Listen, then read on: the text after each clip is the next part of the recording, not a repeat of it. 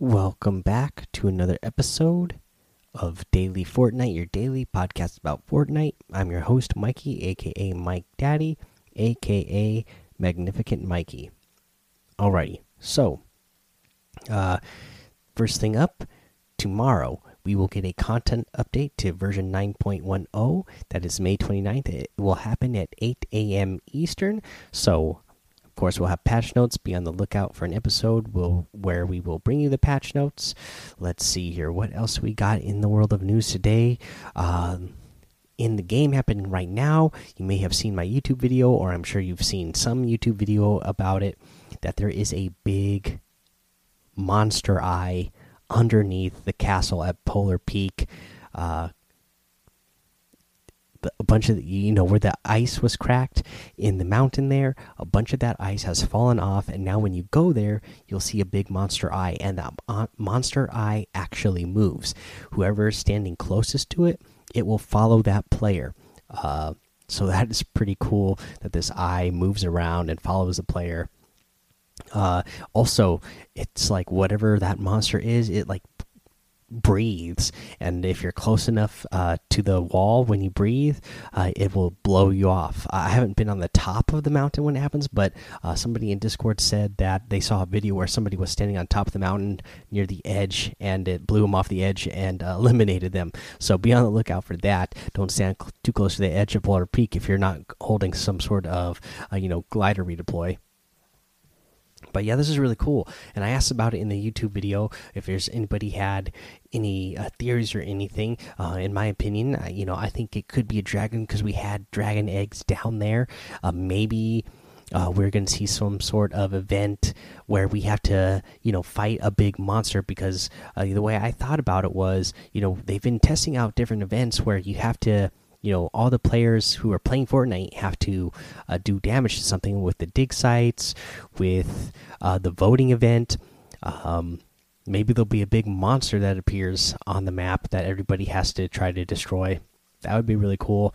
Uh, I I noticed MSN Magoo. He's in the Discord, but he went over and uh, commented on the YouTube video uh, saying that he thinks it could be, or you know, one of his theories is that it could be like a Fortnite and Godzilla uh, uh, mashup because we've been having a lot of uh, mashups lately, uh, and yeah, that would be really awesome. I'm a big Godzilla fan, uh, and I know we got this new Godzilla coming uh, coming out, so that would be a really good tie-in. Uh, I could see how that would work out. Be really cool uh, to see Godzilla inside Fortnite. That would be pretty fun to see. But anyways, yeah, I mean we got this really cool thing going on at Polar Peak. Uh, keep your eye on that uh, because it seems like something big is going to happen there soon. Uh, the other thing that we got in the news today was Ninja announced the three winners of his trick shot contest uh, for the World Cup uh, Creative. Uh, he announced that today he's got a YouTube video. I would highly suggest going over uh, to Ninja's YouTube and watching that video because he watches like the top 25 contestants or submissions, and then he goes ahead and picks them uh, he picked uh, Deck 723, FaZe Kaz, and Taco. Uh, so, yeah, it was really, really cool uh, to watch him go over the clips and just kind of be excited to see all these amazing trick shots. All, you know, all the trick shots are really cool to see. Uh, you know, he could only pick three players, so he picked the three that were, you know, that he liked the most, and they were all really good ones. So I would definitely, yeah, again, head over to Ninja's YouTube and uh, check that video out. Uh, so that that is going to be a lot of fun to watch uh, at the World Cup. Watch, uh, you know, whatever these uh, contestants who have qualified so far for the uh, creative uh, part of the World Cup, uh, see what they have to do there. You know, whether I'm sure they'll set up some sort of thing where they have to do some sort of, you know, time trial map, trick shotting stuff. I can't wait to see whatever they come up with. It should be a lot of fun. Uh, let's see here, guys. Let's get into a week three challenge tip here. For a challenge tip, let's cover, you know, the one that we have a stage where you need a landed trick on a drift board, you need to get three seconds of airtime on a quad, and you need to destroy structures with the quad, uh, opponent structures with the quad. Now, it's pretty easy to do. Land a trick on a drift board. Uh, I mean, you can go, you can just jump and do like a 180 or 360 off of any little hill, and that's a trick. Super easy to do. Super easy to get done. To get uh, three seconds of airtime on the quad crasher, this is another one that can be easily done.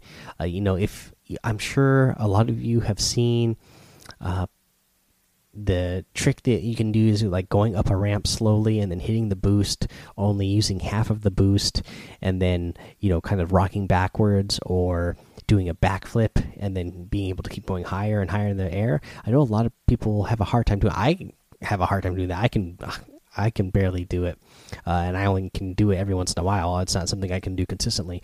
But an easy way to get this trick done is to go over to the Trick Mountain and over in C4, C5, that mountain there. Uh, there's quad crashers that spawn up there, as well as drift boards too.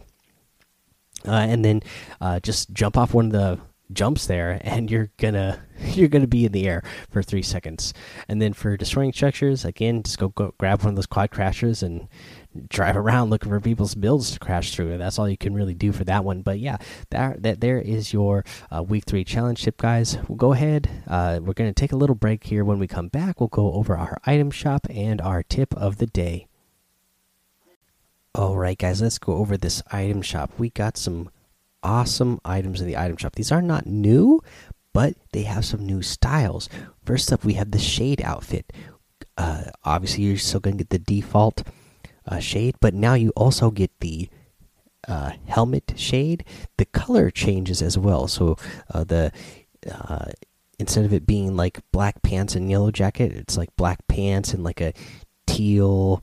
Um, jacket and belt and uh, motorcycle helmet that's got like a, a teal uh, tint for the eyes and yeah it looks really good and then you can get the same outfit uh, same color scheme without the helmet as well now we also have maverick. I believe this is one of bo with the bangs favorite outfits. Same type of deal.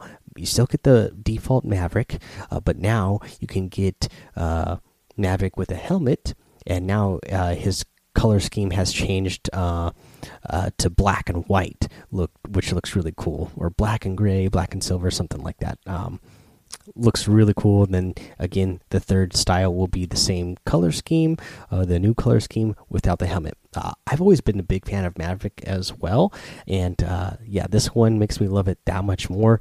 Uh, hopefully the next time it comes around i can i'll have the v bucks to get this one I, am pretty low on v bucks right now but i do love the Mac, maverick outfit and because i really love that uh, back bling it comes with to the bat attitude really cool back bling uh, let's see here guys what else we got in the item shop today we got the spider knight outfit you got the uh, arachne outfit we have the web breaker harvesting tool the hatchling glider we have the beast mode outfit back in the item shop. And remember, guys, this is another one that has four different styles.